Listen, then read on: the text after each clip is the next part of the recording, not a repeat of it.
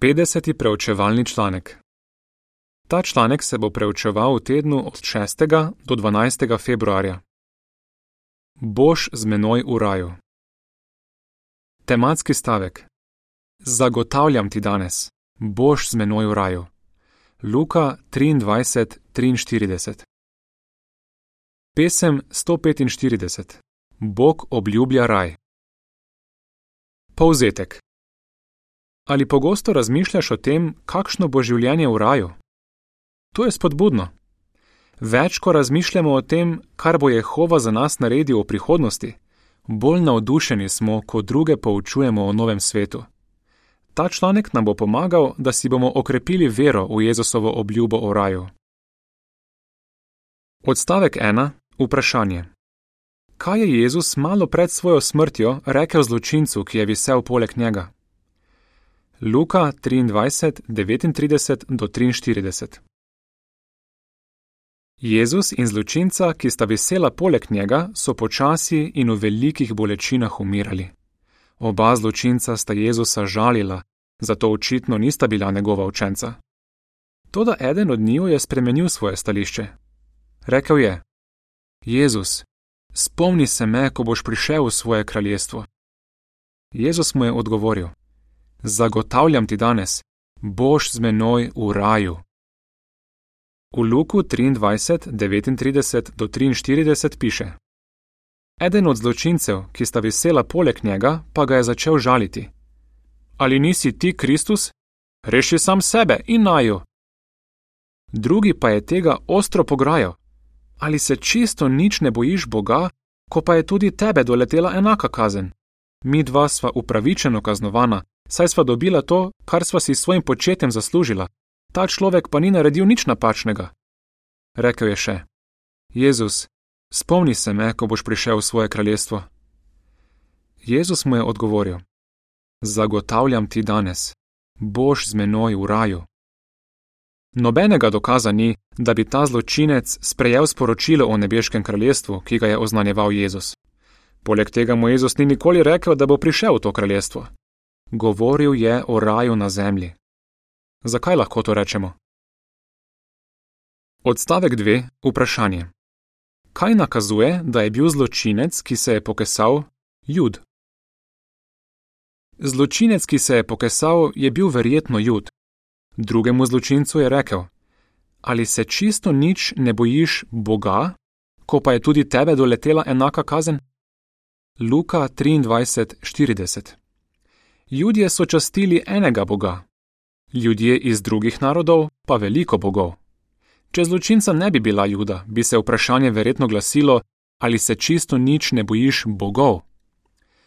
Poleg tega Jezus ni bil poslan k drugim narodom, ampak samo k Izraelcem, ki so kakor izgubljene ovce. Matej 15:24 In Izraelci so vedeli, da bo Bog obujal mrtve. Tudi zločinec, ki se je pokesal, je to verjetno vedel. Njegove besede nakazujejo, da je sklepal, da bo Jehova obudil Jezusa, da vlada kot kralj Božjega kraljestva. Očitno je upal, da bo Bog obudil tudi njega. Odstavek 3. Vprašanje. Kaj si je skesalni zločinec verjetno predstavljal, ko je Jezus omenil raj? Pojasni. 1. Mojzesova 2.15 Skesalni zločinec je kot jud vedel za Adama in Evo in raj, v katerega ju je Jehova naselil. Zato si je raj, ki ga je omenil Jezus, verjetno predstavljal kot čudovit vrt tukaj na zemlji. V prvi Mojzesovi 2.15 piše: Bog Jehova je torej vzel človeka in ga naselil v edenskem vrtu, da bi vrt obdeloval in zanj skrbel. V pripisu k sliki piše: Kaj lahko sklepamo o zločincu, ki je govoril z Jezusom in o tem, kaj je vedel? Odstavek 4. Vprašanje. K čemu bi nas moralo spodbuditi to, kar je Jezus rekel zločincu? To, kar je Jezus rekel zločincu, bi nas moralo spodbuditi, da razmišljamo o tem, kakšno bo življenje v raju. O tem raju se lahko nekaj naučimo iz mirnega obdobja, ko je vladal kralj Salomon. Pričakujemo lahko, da bo Jezus, ki je pomembnejši od Salomona, skupaj s svojimi sovladarji vzpostavil čudovite razmere na zemlji. Seveda bi druge ovce moralo zanimati, kako lahko ustrezajo pogojem za večno življenje v raju. Kakšno bo življenje v raju? Odstavek 5. Vprašanje. Kako si predstavljaš življenje v raju?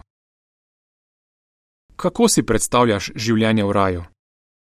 Morda si v mislih naslikaš čudovit park, kot je bil Edenski vrt. Mogoče pomisliš na prerogbo iz Miha, da bo vsak sedel pod svojo trto in pod svojo figo. Miha 4, 3 in 4. Morda se spomniš svetopisemskih vrstic, ki govorijo o tem, da bo obilje hrane. Zato si mogoče predstavljaš, kako v čudovitem parku sediš za mizo, polno slastne hrane. V zraku lahko vohaš dišeče cvetlice, slišiš lahko smeh družinskih članov in prijateljev, tudi tistih, ki so bili obojeni. Vse to niso samo sanje. Prepričani smo lahko, da bodo na zemlji dejansko takšne razmere. V raju pa bomo imeli tudi prijetno delo. Odstavek 6. Vprašanje. Kaj bomo delali v raju? Jehova nas je ustvaril tako, da pri delu uživamo. Med Kristusovim tisočletnim vladanjem bomo še posebej zaposleni. Tisti, ki bodo preživeli veliko stisko in milijoni obojenih, bodo potrebovali oblačila, hrano in dom.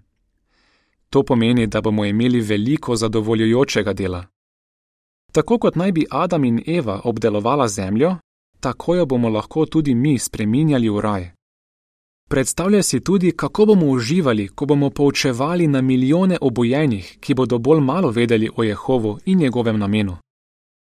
In kako veseli bomo, ko bomo lahko zvestim posameznikom, ki so živeli veliko prej, preden je Jezus prišel na zemljo, povedali vse, kar se je zgodilo po njihovi smrti. V pripisu k sliki piše: V raju bomo imeli pomembno delo, poučevali bomo obojene. Odstavek 7. Vprašanje. O čem smo lahko prepričani in zakaj? Lahko smo prepričani, da bomo v raju živeli v miru, da bomo imeli vsega v izobilju in da bo vse potekalo urejeno. Zakaj? Ker nam je Jehova že dal bežen pogled v to, kakšno bo življenje pod vlado njegovega sina. To lahko vidimo iz časa, ko je vladal kralj Salomon. Vlada kralja Salomona. Predokus raja. Odstavek 8. Vprašanje. Kako so se v preteklosti izpolnile besede iz Psalma 37, 10, 11 in 29? Kralj David je po navdihnjenju napisal, kakšno bo življenje, ko bo v prihodnosti vladal moder kralj, ki bo zvest Jehovu. V Psalmu 37, 10 in 11 piše: Samo še malo in hudobnih ne bo več. Pogledal boš tja, kjer so nekoč bili, to da njih ne bo.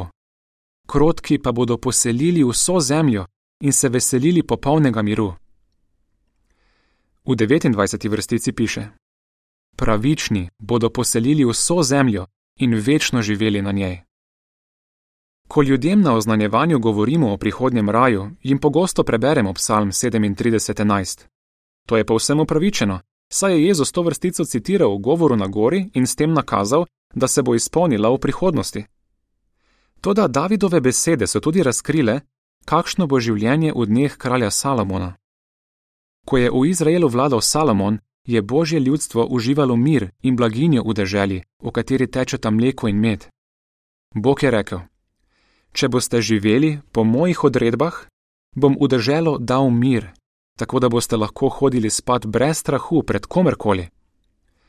3. Mojzesova 20, 24 ter 26, 3 in 6. Te obljube so se izpolnile med Salomonovim vladanjem. Jehova je tudi napovedal, da hudobnih ljudi ne bo več.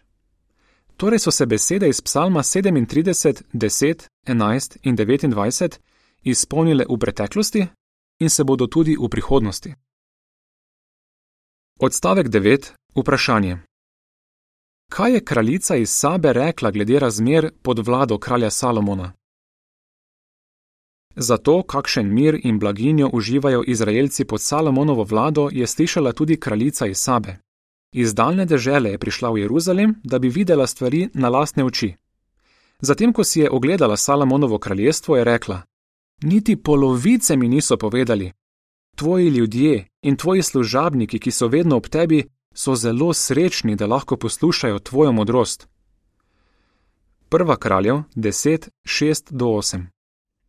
Toda razmere pod Salomonovo vlado so bile le predokus tega, kar bo Jehova za ljudi naredil pod vlado svojega sina Jezusa. Odstavek 10. Vprašanje. V katerih pogledih je Jezus boljši od Salomona? Jezus je v vseh pogledih boljši od Salomona.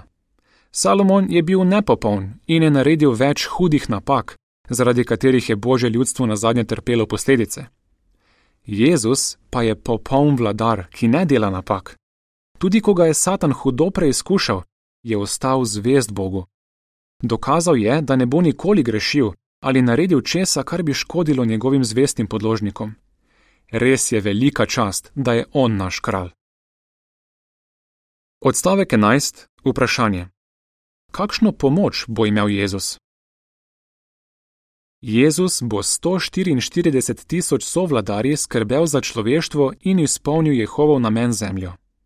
Ti sovladarji, ki so bili izbrani izmed moških in žensk, so med svojim življenjem na zemlji veliko pretrpeli in prestali mnogo preizkušenj, zato nas bodo razumeli. Kaj točno bodo delali? Kakšno vlogo bodo imeli maziljenci?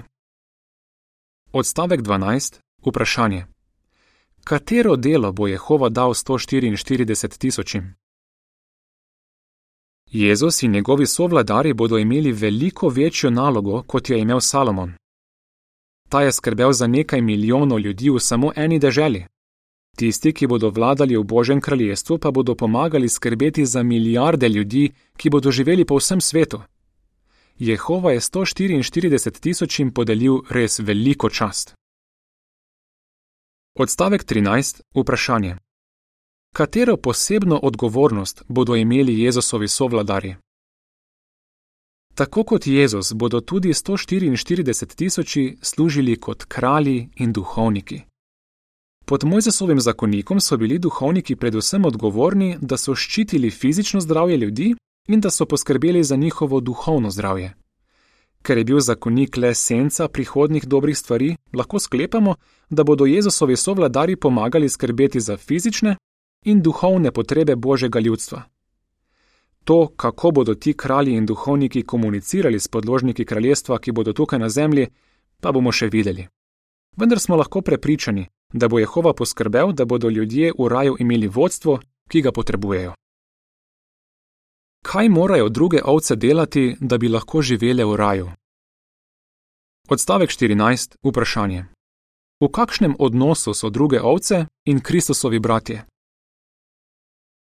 Jezus je za tiste, ki bodo z njim vladali, rekel, da so mala čreda. Govoril pa je tudi o drugi skupini, ki jo je imenoval druge ovce. Ti skupini sestavljata eno čredo. Že danes med seboj sodelujeta in to se bo nadaljevalo tudi zatem, ko bo zemlja postala raj.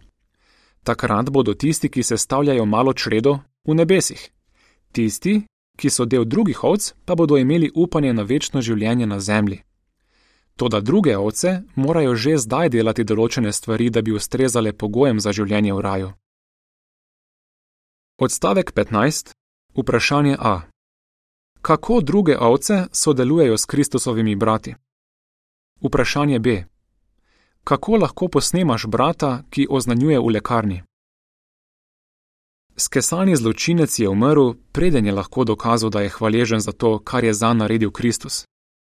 Tisti, ki smo del drugih ovc, pa imamo že danes veliko priložnosti, da pokažemo, kaj čutimo do Jezusa. Ljubezen do njega lahko na primer pokažemo s tem, kako ravnamo z njegovimi maziljenimi brati. Jezus je rekel, da nas bo na podlagi tega sodil.